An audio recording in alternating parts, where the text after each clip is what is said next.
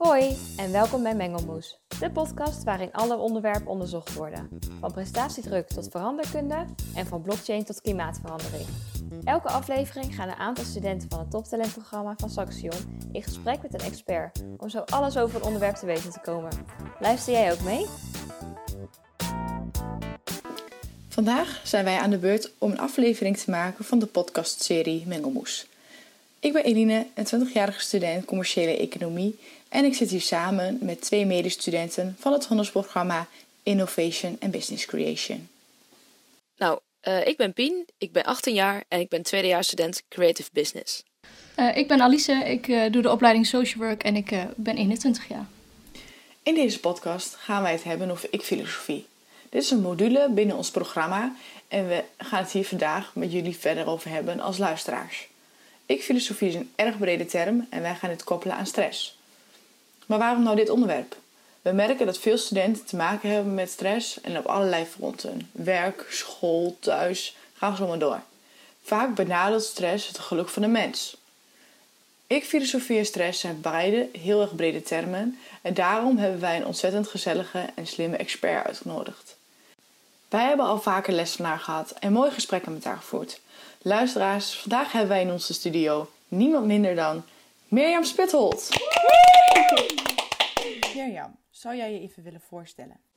Nou, um, ik ben inderdaad Mirjam en um, toen ik 18 was, moest ik gaan kiezen wat ik wilde worden als ik later groot was. En toen ging ik economie studeren. Dat was niet mijn eerste keuze. Ik wilde toneelacademie en ik wilde psychologie. Maar er waren allemaal bezwaren van mijn ouders. Die zeiden, ah, met toneel kun je geen geld verdienen. En psychologie, jongen, daar ben je altijd met de ellende van iemand anders bezig. Dus ik ging economie studeren. Dat was wel mijn talent, maar niet mijn passie. Toen dacht ik, maar ik wilde wel iets gaan doen waar, waar ik voor de klas of zo, waar, waar, ik wat, waar ik echt wat mee heb. En ik hou heel erg van uh, studenten en van mensen inspireren dus zo gebeurde dat ik uh, economie gaf, maar eigenlijk was het een middel om uh, leerlingen ja, eraan te herinneren wie ze in essentie zijn.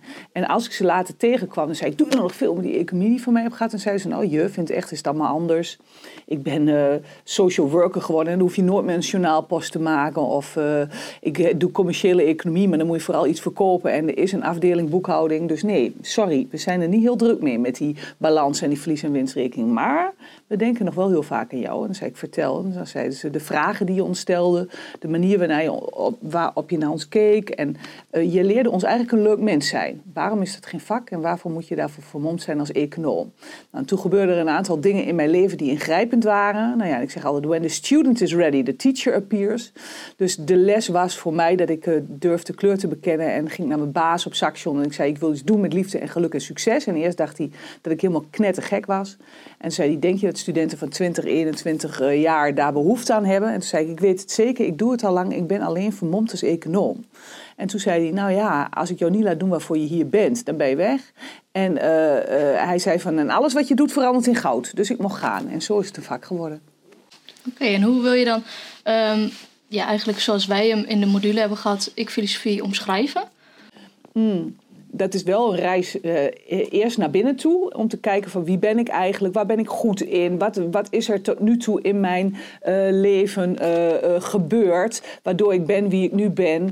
hoe werkt het menselijk systeem? En waar woont geluk en liefde? Eigenlijk herinner ik jullie er dan ook aan dat alles wat je zoekt, dat je dat al in je hebt. Hè? En heel vaak zie je zelf niet welke talenten je hebt. Hè? Waar, waar, je heel goed in bent, dat vind je gewoon normaal.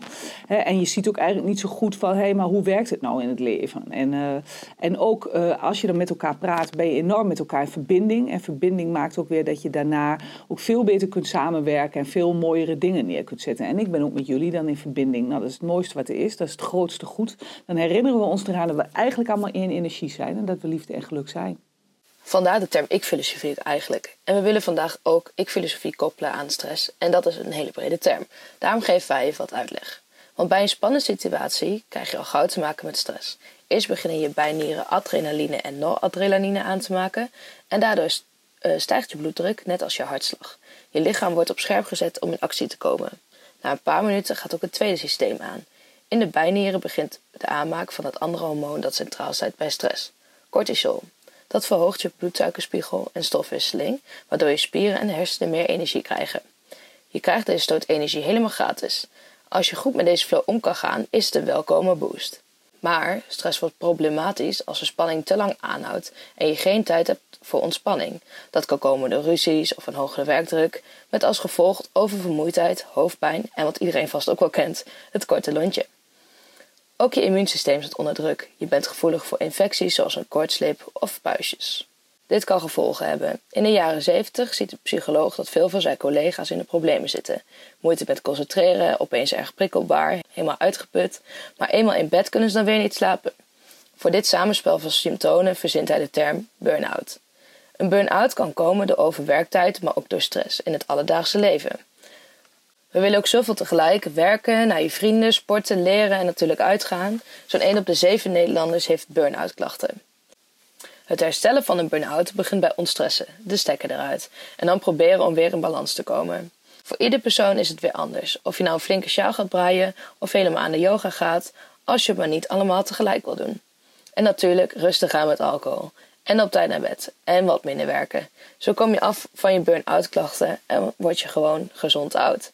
Als je wilt voorkomen dat je geen stresskip wordt worden, moet je assertief zijn. Als iemand weer met een stapel werk aankomt zetten, moet je niet in een hoekje gaan zitten mokken. Nee, gelijk je mond open doen. Sorry, ik heb hier echt geen tijd voor. Dan ben jij stress de baas en voorkom je klachten. Ja, natuurlijk. Makkelijker gezegd dan gedaan. En uh, vandaar dat we ook graag uh, willen weten hoe de rest hiermee omgaat. En dan wouden we eigenlijk eerst vragen aan Mirjam. Heb jij wel eens stress ervaren en hoe ga je daar wel eens mee om?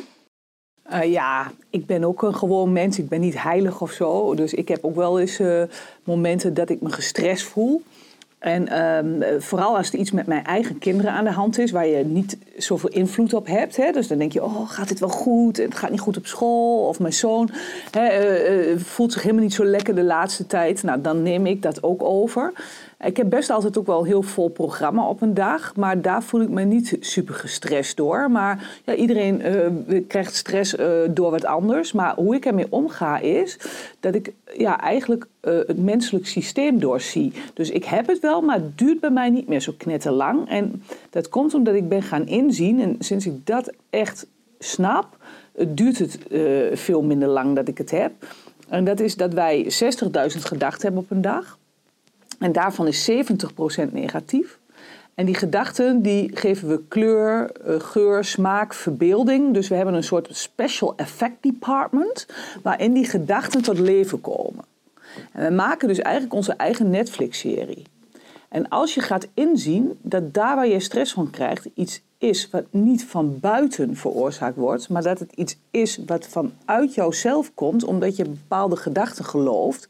Je kan het ook zien in het onderwijs bijvoorbeeld. Er zijn mensen die hebben precies dezelfde taken als iemand anders. En de een zegt, ik word helemaal gek, ik ervaar zoveel stress. Die studenten vreselijk en wat moet ik veel nakijken. En het is niet meer normaal, ik krijg het niet af.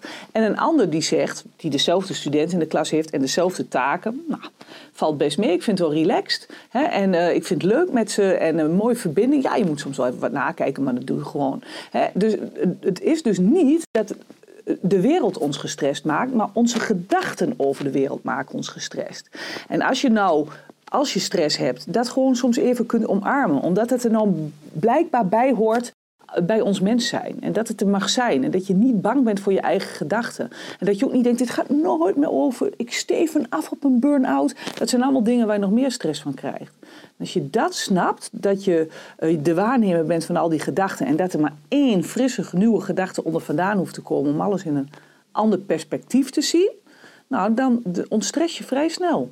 Want dan denk je, ja, het zijn mijn gedachten. En, en niet van, oh, het is maar mijn gedachten, dus dat is een trucje. Nee, als je het echt gaat inzien, dan weet je ook, dat hebben jullie ook wel eens, dat je denkt, oh, ik moet nog dit voor mijn stage regelen. En daar, dat werkzoekleven en die film, dat krijgen we nooit af. Dat heb je een dag dat er helemaal in zit. En de volgende dag is er niets veranderd. Je hebt geen enkele handeling extra gedaan, maar je wordt wakker en je denkt, we gaan gewoon even stap voor stap aan het werk en het gaat lukken. Precies, even, of, ja, stap voor stap.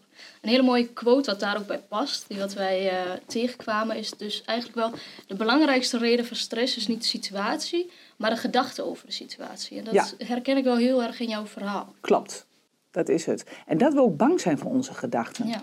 He, als je zo bang bent voor wat je gelooft, dan wil je het weg hebben. En word je resist persists. Dus iets wat er niet mag zijn, dat knijpt aan je vast. En een van de dingen die mij bijvoorbeeld heel erg helpt is mediteren. En eh, een mooie meditatie is die van Tijn Tauber. Dat zijn uh, is in vier stappen een geleide meditatie. Kan je gratis op internet bekijken. Die kerel is een soort goeroe op het gebied van meditatie. En in die meditatie zegt hij ook embrace the tiger. En daarmee bedoelt hij dat waar je zo bang voor bent, omarm het dan maar. Ga ervan houden. Want wat jij toelaat, zal jou verlaten. Dat is wat het is. Dus als het er mag zijn en je bent er niet zo bang voor. En dat is nou eenmaal hoe, wij, hoe ons menselijk systeem werkt. Dan gaat het ook weer over. Ja. Heb jij een situatie wat je zou kunnen omschrijven, wat je hebt meegemaakt qua stress en hoe je daarmee bent omgegaan? Nou, ik spreek behalve op Saxion ook wel veel in het openbaar. En in het begin dat ik dat deed, maar eerst ben je een beetje naïef en denk je gewoon, ah, ik ga dat gewoon doen. En, stond ik daar best relaxed voor. Maar ik werd steeds vaker gevraagd en het bedrag wat ik ervoor kreeg was ook steeds hoger. Dus dan ga je bij jezelf denken, maar als ze er zoveel voor betalen, dan moet ik wel heel goed zijn. En in mijn hoofd ging ook de keer dat ik dacht dat ik elke keer een compleet nieuw verhaal moest hebben. Maar uh, de boodschap van mij is altijd hetzelfde, dat we niet onze gedachten zijn, maar dat we ze hebben. En dat we dat ego eigenlijk helemaal niet hoeft te geloven. En dat er een plek is waar liefde en geluk woont, waar je altijd op in kunt tunen. En altijd heb je, doordat je naar het leven kijkt, ik ben heel creatief, wel een ander verhaal wat je kan vertellen aan de mensen, wat aanraakt. Maar dit moet je heel vaak herhalen, die boodschap. Maar ik ging dan, had ik een zaal vol met 300 mensen en die gingen allemaal een kaartje voor 20 euro van mij kopen. En ik dacht, oh. en sommigen zijn misschien al zes keer geweest en kan ik nog wat nieuws vertellen. En wat ik dan doe is wel gewoon gaan ademen en denken, geloof niet alles wat je denkt. Maar soms gaat het ook niet over. Maar als ik er dan sta, dan eh, gaat het toch ook wel weer weg. En uh, word ik altijd op de een of andere manier geholpen. Dus en, en nu moet ik nog net zo vaak spreken en krijg ik zo mogelijk misschien nog wel meer geld per keer. Maar is dat stuk weg? Maar dan komt er weer wat anders voor in de plek. Dus we hebben altijd favoriete problemen.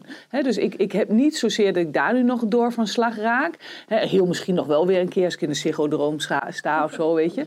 Maar um, wel heb ik weer andere dingen. En uh, dat is bijvoorbeeld wat ik net ook aangaf als het niet zo goed gaat met mijn kinderen. Omdat ik dan denk, oeh, ik ben iedereen aan het instralen, maar mijn eigen kind helpt het niet bij. Ik kan zoveel mensen helpen, maar mijn eigen kind die weet het allemaal, maar die kan het niet toepassen. Dan, dan ga ik denken dat ik niet goed genoeg ben. Daar krijg je ook stress van. dat is wat het ego, dat noemen wij Karel bij X-filosofie.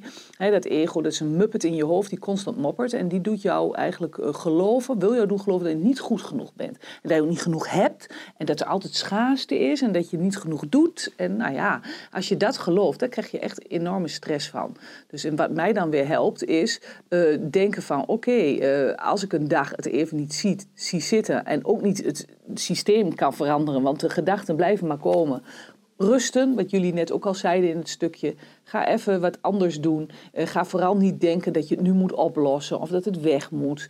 Uh, en uh, probeer iets te doen waar je, waar je energie van krijgt. En, en vervolgens het ook tegen jezelf een beetje mild zijn en zeggen: Toe maar, het geeft niks, het mag best. Even het niet weten is ook oké. Als je toe mag staan dat het soms even toch een gestreste toestand is, dan is het minder, laat ik zeggen, volhardend dan wanneer je vindt dat je al lang perfect moest zijn. Want je hebt immers de module ik-filosofie al gehad. Laat staan dat je hem hebt gegeven. Dus dan mag je dit toch helemaal niet meer ervaren. Ja, precies. Je gaf net aan dat je wel eens zenuwachtig werd van grote zalen en dat soort dingen. Maar had je dan nog trucs om dit dan uh, te verminderen? Extra voorbereiden of rituelen om dat dan in te dammen? Ja, ik bereid me altijd wel goed voor, terwijl ik iemand ben die voor de staal staat en het moet hebben van de improvisatie. Moet aanvoelen op intuïtie wat er gezegd moet worden, wat nodig is. Maar toch hè, wil je wel dat er een goede onderlaag is in wat je vertelt en dat het hout snijdt. En dat je wel voorbereid bent, mocht je nou helemaal wegvallen, dat je in ieder geval dingen had waar je het over kon gaan hebben. Dus een goede voorbereiding helpt mij enorm. En dan ook dat weer gelijk loslaten als je er staat. En ook van tevoren even de stilte opzoeken. Even in een ruimte zitten waar je geen andere prikkels krijgt. En terug naar die innerlijke kracht, naar het oog van de orkaan, waar altijd alles oké en rustig is en waar de onuitputtelijke bron zit van alle wijsheid. Dus en dat doe ik dan, dat kan je mediteren noemen, maar ik kan het wel met de ogen open. En, uh, en dan vraag ik ook altijd direct naar footsteps. Vertel maar wat moet er verteld en, en waar moet het over gaan en met wie moet ik zijn. En wat mij ook heel erg helpt is om niet te kijken naar wat alle mensen zeggen op Facebook of zo. Ik weet het helemaal niet. Hè? En sommige mensen bellen mij nu op, weet ik uit Amsterdam Amsterdam, Den Haag. Die zegt, jij bent een hit op Facebook en we willen je inhuren. En is dat mogelijk? Blijkbaar staat er heel veel op. Maar ik kijk ook niet naar hoe goed het met me gaat. Want dat is ook maar, het kan morgen uh, heel wat anders zijn als een groep het helemaal niks vond. Of als ik geen goede dag had. Ben je daar dan niet nieuwsgierig naar? Nee. Maar dat is eigenlijk wel een beetje zwak van mij, hè? want je zou ook moeten kunnen omgaan met wat is dat voor een raar wijf en wat praat ze Twents en pff, elke keer hetzelfde bij haar. Ik, nu weten we het wel een keer hoor. Nou, volgens mij is ze zelf enorm gestrest. Hey. Nou, hè, ook al zou dat erop staan, dan, dan, waarom zou je daar niet tegen kunnen? Eigenlijk moet je daar gewoon ook immuun voor zijn. Maar ik vind het toch wel een beetje lastig, want iets in mij denkt ook dat ik niet goed genoeg ben. Hè, dus daarom, uh, ja. Ben je dan ook bang voor die misschien bevestiging? Dat je denkt van, oh, ik heb die gedachte van, goh, ik ben niet goed genoeg. En als je dan iets zou lezen, denk je, ben je dan bang dat je die bevestiging ook misschien krijgt? Ja. En dat het dan nog, ja, dat je nog gestrester wordt? Ja, misschien wel. Heeft iedereen dat niet? Ja, iedereen heeft het wel een beetje, dat je bang bent om afgewezen te worden. En je wilt ook altijd goedkeuring van je ouders, dat vind je ook heel belangrijk. En um, ja, eh, maar aan de andere kant is het ook wel weer zo. Ik wil eigenlijk mijn geluk niet ontlenen van eh, de buitenwereld. Dus ik wil niet heel blij worden omdat iedereen mij fantastisch vindt. En ook niet helemaal down worden omdat het even anders uh, geroepen mhm. wordt. En um, ik zeg wel dat ik denk dat ik niet goed genoeg ben, maar iets in mij denkt wel dat ik toevallig uitgerust ben. En dat is niet dat ik mezelf geweldig vind, maar met de skills die nodig zijn om mensen aan te raken. Dus ik weet wel dat dit is wat ik, waarvoor ik hier ben en wat ik moet doen. Dat weet ik eigenlijk lang, want anders deed ik dat niet. Hè? Dus dat weet ik wel. En dat, dat, mijn ego zal ook denken, oh wat ben ik goed en wat heb ik goede ideeën, wat heb ik creatief, wat kan ik dikke grappen maken, wat kan ik mensen nu aan het huilen maken. Oh, ik ben wel zo fantastisch. Nee, want het komt gewoon door mij heen. Ik verpersoonlijk dat niet. ik heb gewoon het idee van, nou, dit is nou eenmaal waar ik het doorgeefluik voor ben. En andere mensen hebben weer andere dingen. Ja, dus ik wil het niet zo persoonlijk maken dat, dat dat is wie ik ben. Wat ik wel heel fijn eraan vind aan het werk dat ik doe, dat het echt mijn vreugde is. En dat ik ook nog, als je, dus je kan het alleen maar wel naar binnen toe kijken. Hè, dat ik filosofie, dat is ook naar binnen kijken wie ben ik en wat is mijn joy. En, maar het allermooiste is als je dat ook nog naar buiten toe kunt, uh, uh, ja, een cadeau voor de wereld kunt geven. Dat je de wereld een beetje mooie kleurt. Dat je mensen eigenlijk wat inzichten geeft, waardoor zij een, een lichter en makkelijker leven hebben. Want dat is natuurlijk eigenlijk waarom ik het doe. Het Carlos momentje. Ja. Kun je eens toelichten, het Carlos momentje? Uh, ja. In de module van Mirjam bij het onderzoeksprogramma moesten wij een week lang elke dag drie dingen opschrijven waar jij dankbaar voor was. En daarbij moest je ergens die week een Carlos momentje voor iemand zijn. En uh, ja, hoe leg ik dat uit? Um, ja, ja, bijvoorbeeld als je heel gespannen bent. Of um, laatst was, kwam Eline binnenlopen oh, bij een sessie. Die was heel gestrest en die, haar gedachten reisden bijna alle kanten op. Om dan toch even die hand op de schouder te zijn van... Goh, haal eens adem. Stop eens even met je, wat je allemaal doet. En dan toch even um, weer terughalen in het nu. Klopt. Ja, en die Carlos, dat komt dan weer omdat er een meneer is, Ja Bressers, dat is ook een grootste spreker. Iemand die veel op de mooie podia staat. En hij um, um, uh, heeft gedoken toen hij hartstikke jong was in een zee in Portugal, waardoor hij zijn nek brak. En hij had allemaal nachtmerries s'nachts en hij was daar helemaal alleen. En hij dacht echt, ik ga dood en wat overkomt me nu? En dan was hij één verpleegkundige en die heette Carlos. En die legde de hand, die had ook heel veel stress op dat moment, nachtmerries, dacht dit komt nooit meer goed. En die legde de hand precies op de plek waar hij nog gevoel had en die zei, komt goed, het is oké. En dat is voor hem zo belangrijk geweest toen in die nacht, die hand van die verpleegkundige. Want de andere verpleegkundigen, die liepen maar door te razen. Want de een na de ander kwam daar binnen met gebroken nekken. En die hadden helemaal geen tijd daarvoor. Die moesten kijken of het allemaal nog uh, goed reilde en zeilde. En hadden geen tijd voor die innerlijke verzorging. En hij zegt, hoe mooi is dat iemand daar wel de ruimte voor nam. En het doorheeft dat jij dat heel hard nodig hebt.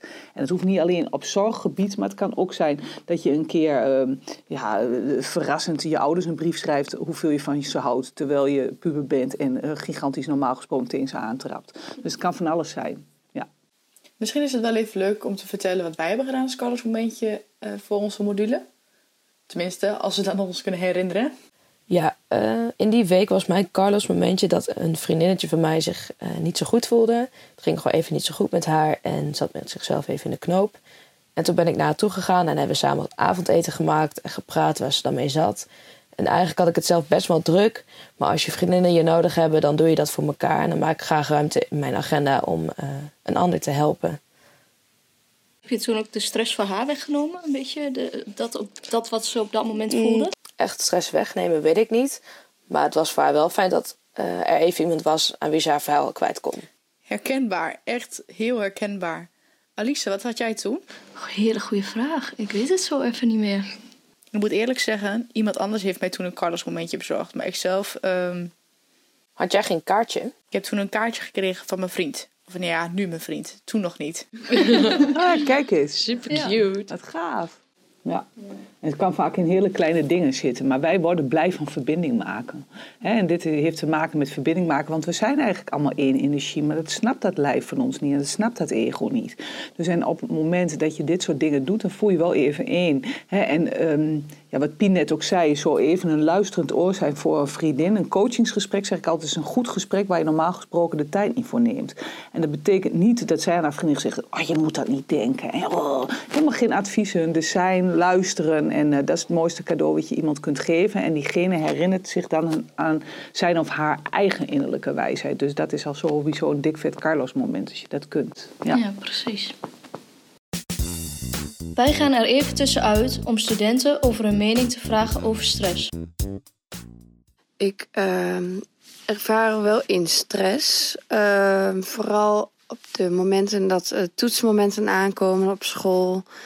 Ehm, of wanneer het heel druk is op werk. En wanneer, wanneer er heel veel van je gevraagd wordt in een korte tijd.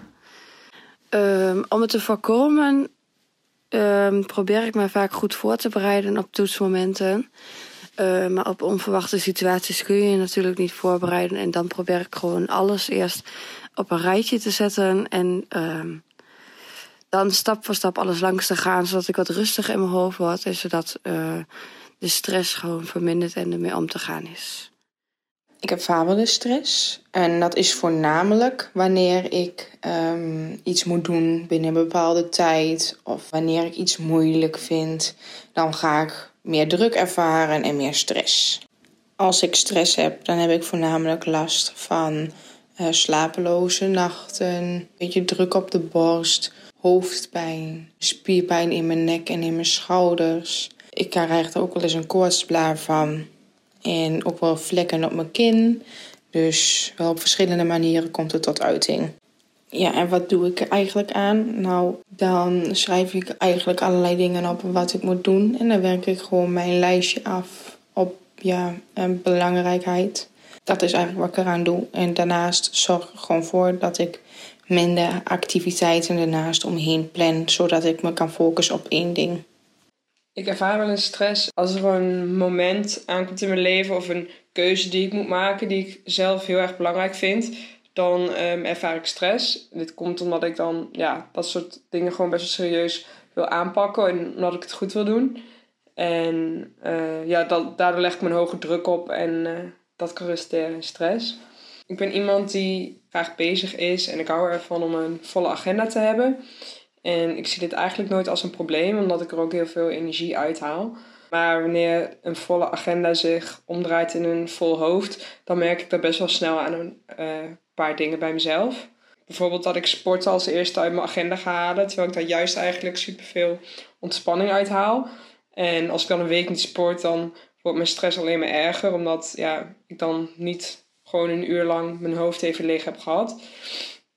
En overdag voel ik me vaak opgejaagd dat ik nog heel veel moet doen. Terwijl ik normaal dezelfde hoeveelheid echt prima zou kunnen handelen. En ja, ik merk dat ik best wel eh, minder zin heb in sociale contacten wanneer ik heel erg gestrest ben. Wat doe ik aan mijn stress? Ehm, nou ja, op de praktische manier maak ik altijd eerst een groot plaatje met eh, wat er allemaal nog gedaan moet worden. Dus eigenlijk mijn to-do-list. En daarna ga ik die taken verdelen over de tijd die ik heb. Dus ga ik nadenken wat als eerste gedaan moet worden. Of wat, wanneer welke dag af moet. En dan ga ik het ja, zo realistisch mogelijk eh, inplannen over de tijd. En naast deze praktische dingen ehm, probeer ik voor mezelf... ehm, ja, merk ik heel erg dat als ik s'avonds laat dingen nog doe na het eten... ehm, dan ga ik gewoon echt met een vol hoofd slapen... Dus wat mij wel helpt is om zoveel mogelijk overdag te doen en eventueel iets eerder op te staan. En na het eten hooguit nog een uurtje eh, bezig te gaan voor mijn to-do-list. En daarna met een boek of serie op de bank te ploffen met het idee eh, dat er morgen weer een dag is. Ik denk vooral ehm, wanneer dingen te druk worden. Dat ik te veel op de planning heb staan en dat ik geen keuzes kan maken. Zoals eh, werk, school, andere activiteiten. Dat het me te veel wordt. Of ook wel wanneer iets onduidelijk is. En dat is vooral nu tijdens de uh, coronacrisis. Dat ik niet helemaal duidelijk heb van hoe ik mijn schoolopdrachten verder kan doen vanuit huis. Of hoe het de komende weken eraan toe gaat. Die onduidelijkheid zorgt voor mij wel bij stress.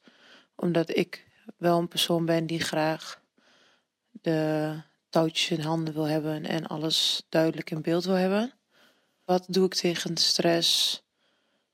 Uh, kijken naar een oplossing van als iets onduidelijk is, hoe kan ik dat voor mezelf duidelijk krijgen? Of wanneer iets te druk is, van hoe kan ik dat oplossen dat ik het minder druk heb? En wanneer dit de oplossing niet voor mij duidelijk is, dan afleiding zoeken. En daarin helpt muziek of vrienden mij wel vaak mee. Um, of ik wel eens een keer stress ervaar, ook zeker. Um, dat gaat echt van grote tot kleine dingen. Uh, ik merk het wanneer ik zeg maar stress heb, uh, wanneer ik een beetje last krijg van ja, zweethanden, zeg maar. Of dat ik me heel erg druk maak in mijn hoofd van gedachten die van voor naar achter, van links naar rechts gaan. Uh, maar ook als mijn hartslag omhoog gaat, dan um, merk dat zeg maar, of een beetje zeg maar, in mijn keel zit, maar of mijn hartslag gaat zeg maar, gewoon sneller. Um, dus ja, daar merk ik eigenlijk wel aan dat ik zeg maar, stress heb.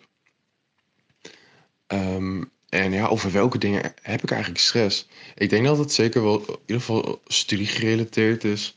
Dus in de zin van, uh, als je de deadlines komen, ja, weet je, iedereen herkent dat op zich wel. Uh, en iets wat daar eigenlijk best wel op aansluit is van dat ik over anderhalf jaar ja, afstudeer. En dat ik eigenlijk nog steeds niet echt heel erg zeker weet wat ik ga doen. En dan ga er zeg maar verder over nadenken. Um, en ja, dat, dat geeft je eigenlijk ook stress. Ja, en wat ik eigenlijk aan stress probeer te doen, is dat ik vooral de laatste tijd heb gemerkt dat echt heel erg werkt. Goed slapen werkt sowieso echt heel erg. En om dat zeg maar een beetje te bevorderen is, wat voor mij werkt, is gewoon eigenlijk lekker naar buiten gaan.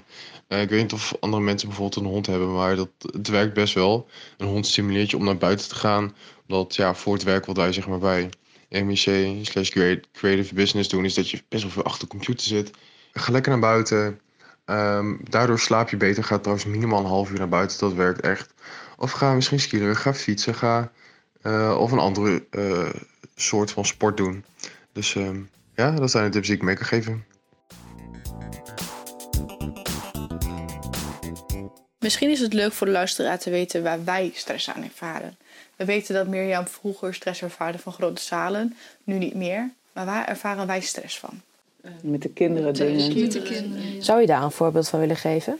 Oh ja, zoals nu bijvoorbeeld mijn uh, jongste zoon, die heeft zijn hele leven al dat hij school haat en dat hij dat echt niet leuk vindt. Ik denk ook dat hij wel een soort van handicapje heeft, want hij is net zo druk in het hoofd als ik ben. En hij heeft geen focus op school, want hij snapt niet waarom je naar school moet. Hij is nu 15 en hij zegt, ah, dat Frans, waarom moet je Frans? Hij zegt, als je echt verliefd wordt op een Française, leer je het vanzelf. Weet je, dat soort vragen heeft hij allemaal. En hij heeft best wel eens, uh, ja, gelijk, maar in mijn programma, in mijn kop, zit dat als je later gelukkig wilt zijn, dan moet je zorgen dat je nu een goede opleiding hebt, zodat je later een beetje een leuke baan kan krijgen. Joh. en dat is wat ik geloof. Maar er zijn genoeg mensen die daar heel anders over denken. Maar op het moment dat ik dan weer zie dat Duke van het VWO is afgezakt naar de MAVO en nu nog bepaalde vakken gewoon onvoldoende staat en helemaal niet zeker weet of die overgaat, dan word ik gestrest, maar hij helemaal niet. Hij zegt, mama, doe maar rustig aan, kom goed met mij joh. het is al lang goed. En als ik hem dan, probeer te vragen, wat wil je worden als je later groot bent, dan zegt hij, ik ben toch al Duke. dat zei hij toen hij zes was. Dus uh, hij, hij ziet het heel anders. Hij heeft er geen stress van. Terwijl die oudste van mij zit in VWO 6. Nou, eigenlijk is dat voor mijn Karel het idee van, nou, als je in VWO 6 zit en je bent al zo ver gekomen, ah, dan gaat het later zeker goed komen met het geluk.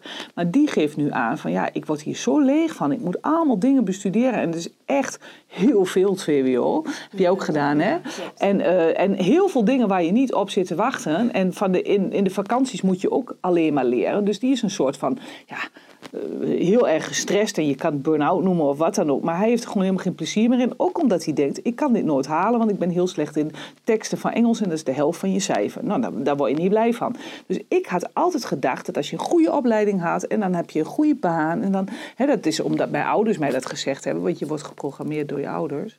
En uh, nu blijkt dus gewoon dat ik denk, nou, ik, ik maak me drukker om Pepijn dan om Duke. Die, uh, die kleine die geen enkel vak goed heeft op dit moment. Maar die is wel gewoon blij. Is het allerbelangrijkste. Als je vraagt, wat hoop je dat je kind later wordt aan je ouders? Wat hoop je dat ik word? Dan zegt ze, dat maakt mij niks uit. Als jij maar gelukkig bent. Dus dat zie ik nu, dat het dus niet met opleiding te maken heeft. Maar wel met hoe je naar de wereld kijkt. En Pepijn is ontzettend perfectionistisch. Legt de lat heel hoog. Nou, dan heb je wel grotere kans op gestrest uh, zijn. En uh, hij heeft misschien wel meer in zich dat hij eerder gestrest is later dan Duke.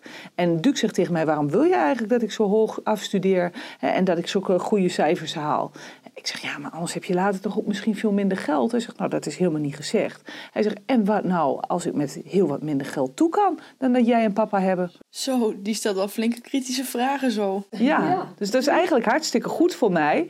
En, uh, en ik denk nu ook van, ja, weet je, ik, ik, ik word dan gestrest als hij uit school komt en dat die tas daar gewoon nog net zo ligt als dat hij de volgende ochtend ligt. Heel en dat ik weet ja. dat hij hartstikke... Dus dan zeg ik, Duke, moet je niet even wat leren? En dan zegt hij tegen mij, ah, dit is echt zo fucking hell hier, zegt hij dan. Hij zegt, want als je ouders hebt die docent zijn, dan gaan ze allemaal opletten. En een school het belangrijkste. Ik heb zoveel vrienden waar de ouders nooit vragen over het huiswerk. Hij zegt, laat mij, zegt hij. Nou, ja. Mijn moeder zat ook wel achter me ja? aan. Hè? Ja. Maar ik denk wel, als wij hier zo bij elkaar zitten, dat wij allemaal wel heel erg perfectionistisch zijn. Ja. En dat wij allemaal doe je heel erg de lat heel erg hoog leggen. Ja. En dat we daar, misschien dat we vandaar ook op deze podcast zijn gekomen met stress. We zitten er zelf Ja. allemaal met beide benen in. Precies, en vandaag ook weer gewoon gemerkt. Dan kom je binnenlopen op school en dan denk je, oh, vandaag die podcast moet echt perfect en dit en dat. Maar dan Ja, we hebben in theorie, ja, is dat hoor. Nou, echt te belachelijk eigenlijk. Terwijl je Mirjam wel of niet dingen vragen? Of, eh, Ja, terwijl het eigenlijk helemaal nergens op slaat. Want als je het perfect doet, kun je er ook niet van leren. En het is toch de bedoeling dat we dit doen om ervan te leren. Ja. Het hele leven eigenlijk. Mhm. Ja, fouten maken is nooit leuk, maar als je succesvol wil zijn, dan moet je ze wel maken. En dan kijken van wat kan ik er mee en wat kan ik ervan leren. En jezelf vergeven dat het niet allemaal gelijk perfect is. Zoals onze coördinator altijd zegt, leren doet pijn. Dus als je een keer vol op je muil gaat, ja, dit is het moment waarop je leert. En het doet pijn. Dat is heel erg waar. Ja, dat is ook zo. Maar daar hebben we allemaal een hekel aan. We willen dat het in één keer goed is. Maar de een heeft daar wel meer neiging voor dan de ander. Ik weet ook nog dat ik op VWO zat en heel zenuwachtig ook altijd was dat ik de cijfers terugkreeg. Dus niet eens als ik moest maken, maar het cijfer. Ik denk, wow. Terwijl Duke de ene onvoldoende naar de ander haalt. Hij zegt, maar dat doet me niks. En daar zit dus een overtuiging onder dat jij denkt dat je niet goed genoeg bent. Ja. En het begint al op de lagere school, als je een goed rapport hebt, dat opa's en oma's jou geld gaan geven omdat ja. je zo goed doet. Dus eigenlijk koppel je jouw bestaansrecht en of je oké bent aan cijfers. Dat ben je gaan doen. En bij Duke kon het al nooit, want die had al een slecht rapport. Dus hij kon zich daar niet meer identificeren. Dus dat is wel grappig dat het zo werkt. En, eh, en dat is ook mooi als je dat bewust bent. Hè? En eh, dat sla je er niet zomaar uit. Maar als je dat nou niet zo heel erg serieus neemt en een beetje lacht om je gedachten, dan gaat de stress ook eerder weg. En dat je denkt, nou, daar hebben we het weer. Ik doorzie het wel, maar het is er gewoon even. Ik ervaar het. Ja, Precies, en misschien ook wel een stukje accepteren dat er is en gewoon weer doorgaan. ja. Ja, Ja, heel makkelijk gezegd. Heel makkelijker gezegd dan gedaan. Zeker. ja dat moet je blijven proberen, oefenen. Ja. ja. Maar oefenen en oefenen en vallen en opstaan. ja. Mhm. Hebben jullie wel eens, ehm, ja, jullie hebben ook wel eens stressvolle situaties natuurlijk met school. En omdat wij het Hannes-programma er nog bij volgen, is het natuurlijk wel extra, ehm, ja, nog weer een acht uur in de week extra. En hoe gaan jullie daar wel eens mee om? Nou, hoe ik omga met stress, ehm, ja, niet zo heel best, denk ik. Ik zeg vaak genoeg dat mijn hoofd te vergiet is. En als ik dan veel dingen moet doen en veel dingen moet onthouden en er komt een beetje stress en chaos bij kijken, ja, dan vergeet ik gewoon gekei veel dingen. En eh, ik probeer het wel op te schrijven en probeer het te plannen. Ik, probeer, ik plan ook vrij veel en ik probeer echt alles goed uit te schrijven. Nu moet ik dit doen, moet ik dat doen. Maar dat wil niet zeggen ehm, dat het altijd lukt. En dat ik het altijd alles onthoud. Zoals morgen had ik een presentatie, maar in stress en chaos. Ik ben het gewoon compleet vergeten. Ik probeer het wel op te lossen. En Maar ja, uh, dat is uiteindelijk niet de bedoeling. Het is de bedoeling dat, dat het lukt en dat ik het onthoud. En ik probeer het dan zo mijn planning zo min mogelijk uh, op spanning te zetten door prioriteiten te stellen. Heb je dan ook niet dat je, als je het opschrijft, dat je hoofd dan wel minder vol is? Ja, dan hoef ik dus het ook niet meer te onthouden. Wel, papier onthoudt het voor mij op dat moment. Maar denk je dan juist niet dat als je dat hele lijstje dan ziet, dat je dan alsnog heel veel moet doen? Nee, want op het moment dat ik dan op papier kijk, dan denk ik van, oh ja, dat moet ik ook doen. En aan het eind van het verhaal komt er altijd achter mijn planning te strak gepland is. Mm. Daar moet ik nog wel even op oefenen. dat is echt wel even een ding wat ik moet doen. Ja. En jij, Alice? Ja, ik uh, heb ook wel echt dat ik het op moet schrijven. Dat dat wel heel erg helpt. En um, ik ben heel erg van de lijstjes. Dus ik heb op bijvoorbeeld Trello heb ik zo'n heel bord. En dan eh, vind ik het heel fijn om het te categoriseren, zeg maar. Van HP, uh, social work opleiding, um, thuis, werk, allemaal dat soort dingen. Dus dat vind ik heel fijn, zodat ik heel veel uh, overzicht hou. En ik wil het ook eigenlijk alles daarop zetten, zodat ik niet bang ben. Uh, anders ben ik bang dat ik het vergeet, zeg maar. Dus dat uh, helpt mij wel met stress. Maar als mijn lijstje weer te lang wordt, dan denk ik wel, dan stijgt de stress wel weer van, oké, het lijstje moet korter, korter, korter. Maar ja, dat, daar ben je zelf ook bij, denk ik dan. Ja, precies wat jij zegt, Alice. Dat heb ik ook echt gemerkt aan begin februari dit jaar. Toen hadden we de opdracht van de opleiding gekregen om binnen 4,5 dag een korte film neer te zetten van tussen de 5 en 8 minuten. Uh, die opdracht krijg je maandag om met je nieuwe klas dit uh, te doen. En die moet je voor vrijdag 12 uur af hebben, want dan is de première. Uh, en dat eerste stresspuntje dan is van ik wil een leidende taak, want anders ben ik bang dat het niet goed gaat. Want ik denk dat ik het dan beter kan dan de rest. terwijl nu iedereen een specialisatie heeft gekozen. Dus iedereen is gemotiveerd en denkt dat hij het goed kan. En dat, dat is ook zo. En dat merken dan ook bij de opnames, want er willen drie mensen de regie, waaronder ik. Maar dat is natuurlijk niet hoe het werkt, want uh, daar krijg je alleen maar discussie van. En ondertussen willen de acteur en actrice uh, ook verder met het acteren en dat geeft mij weer stress. En ik wil ook snel door, want het moest allemaal snel op beeld staan, want er is weinig tijd. En dan moet, iedereen moet wachten. En ook de rest van de crew denkt dan: ja, drie mensen aan het regisseren, dat werkt natuurlijk niet. En dan voel ik die druk ook. En tussendoor moet ik met jullie een podcast opnemen. En toen liep ik ook nog een traject bij een dispuut. Uh, waar ik het nodig voor moest doen. En ik liep ook op krukken. En ik moest dus overal vervoer heen hebben, want ik kon niet fietsen. En ergens dus had ik ook een sociaal leven. En er staat acht uur, voor het, of acht uur per week voor het HP waar ik dingen voor moest doen. En zoveel dingen wat je tussen aanhalingstekens dan moet. terwijl ik ook heel veel dingen gewoon graag wil. En ja, dan kom je erachter dat een dag maar 24 uur heeft. En dan krijg ik best wel veel paniek en chaos in mijn hoofd. Uh, en was ik heel erg blij toen die week erop zat en voorbij was. En dat er nog maar een paar dingen waren overgebleven. En wordt dat nou minder in de loop van de jaren als je ouder wordt? Mm. Jawel. Je, weet je waar je achter bent? Dat het uiteindelijk zitten gewoon zoveel uren in een week en zoveel uren in een dag. En aan het eind van de dag, ja, er zijn de dingen wel af en niet af. Maar dat, dat is dan niet um, heel erg of zo. Hè. Ik zeg altijd relax, nothing is under control. Hè, we hebben de controle niet. En ik moet soms ook heel vroeg ochtends in Rotterdam zijn. En dan kan je daar gaan slapen, hè, want dan maak je het perfecte. Want dan weet je dat je minder kans op file hebt. Ach nee, maar ik denk ik vind het lekker in mijn eigen bedje. En dan zorg ik dat ik iemand inhuur die mij chauffeurt. Maar soms oh. staan wij nog wel eens in de file. En dan weet ik ook niet precies of ik op tijd kom. Maar dan blijf ik ook heel rustig. denk ik, ja, dit is niet mijn cirkel van invloed en, en wat ook zegt, nou, wat ergste, ik denk altijd, hoeveel veiligheid heb je nodig? Het ergste wat je kan overkomen is dat jullie film niet in één keer goedgekeurd wordt. Nou, doe nog een andere keer over. Maar dat vindt het ego heel erg, want die wordt dan afgewezen. Dat wil die niet. Die wil eigenlijk de beste zijn. Die wil de première met een rode loper, misschien wel op een festival van Cannes ontdekt worden of zo. dus dat is een beetje de strijd die er dan uh, speelt. Maar ja, goed is goed genoeg ik vind wel dat het bij mij rustiger wordt wat dat betreft. Maar ik vind dan die kinderen nog wel weer een triggertje. He, maar nou, ik moet niet te hard schreeuwen, want voordat ik het weet heb ik iets anders uh, waar ik gestrest van word. Maar... Ik denk dat je ook wel, naarmate tenminste, na ik filosofie ben ik mezelf ook wel heel erg gaan realiseren van ik moet niet, ik wil dit, ik kan dit. Dat is ook wel weer mhm. een andere manier om er naartoe te kijken. Van ik moet niet een opleiding doen, nee, ik mag een opleiding doen en ik ben blij dat het kan.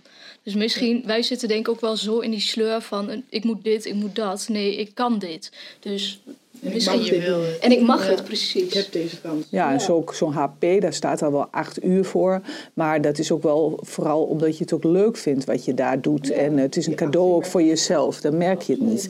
Als het echt iets is wat je vreugde is, dan is het niet zo... Hè, mensen zeggen ook al, hoeveel uur werk je dan per week? Ja, soms wel 60, maar dat vind ik heel lekker. Ja, je haalt er energie uit en het geeft gewoon, vind ik zelf ook weer motivatie voor de rest van wat je allemaal doet. Ja. Dus eigenlijk is het wel een hele toegevoegde waarde. Ja, en soms als ik het eh, zo enorm druk heb dat ik zoveel dingen te doen heb. Toen eh, zei laatst iemand tegen mij: Maar Pien, als je het niet haalt, ga je er dan dood aan? En toen dacht ik: Ja, nee, eigenlijk niet. En eh, dus laat het gaan. Maar ja, dat is natuurlijk veel makkelijker gezegd dan gedaan. Maar als je die gedachte vasthoudt, dan ervaar ik in ieder geval wel minder stress. En ook altijd eerlijk zijn en dan zeggen, ja, dat heb ik fout gepland. Of, eh, Precies. ja. En Ja. soms jezelf even uitlachen. Vind ik Ja. zelf ook nog wel eens. Dat ik denk van, Nou, ben nou, ik soms ja. toch ook Je mooiste verschrikkelijk bezig. Ja, Ja. Ik, weet niet, ik weet niet of jullie wel eens naar het programma Over Mijn Lijk kijken. Dat zijn dan jonge mensen die weten dat ze niet meer lang te leven hebben. En eh, dan, dan, als ik daarnaar kijk, dat is echt een, een beetje een programma voor mijn ziel, zeg ik altijd. Dan herinner je je weer van, nou, waar ik het over heb, dat gaat echt nergens over. En die mensen zijn nog zo blij en genieten in het hier en nu. Hè? En, eh, en eh, ja, laten zich niet gek maken. Hè? En zijn soms heel bang en zijn soms heel droevig om een bepaalde uitslag. En zijn ook ja, niet altijd redelijk, maar er zijn ook nog heel veel mo- momenten dat ze gewoon blij zijn, dat ze genieten. Dus ja. Dat ik denk het. dat dat ook wel het mooiste is dat je dat op die manier kunt doen. Kijk, iedereen ervaart natuurlijk stress anders. En die kan er natuurlijk ook op een andere manier tegenaan kijken. En eh, hoe je ermee omgaat is natuurlijk ook weer per persoon verschillend.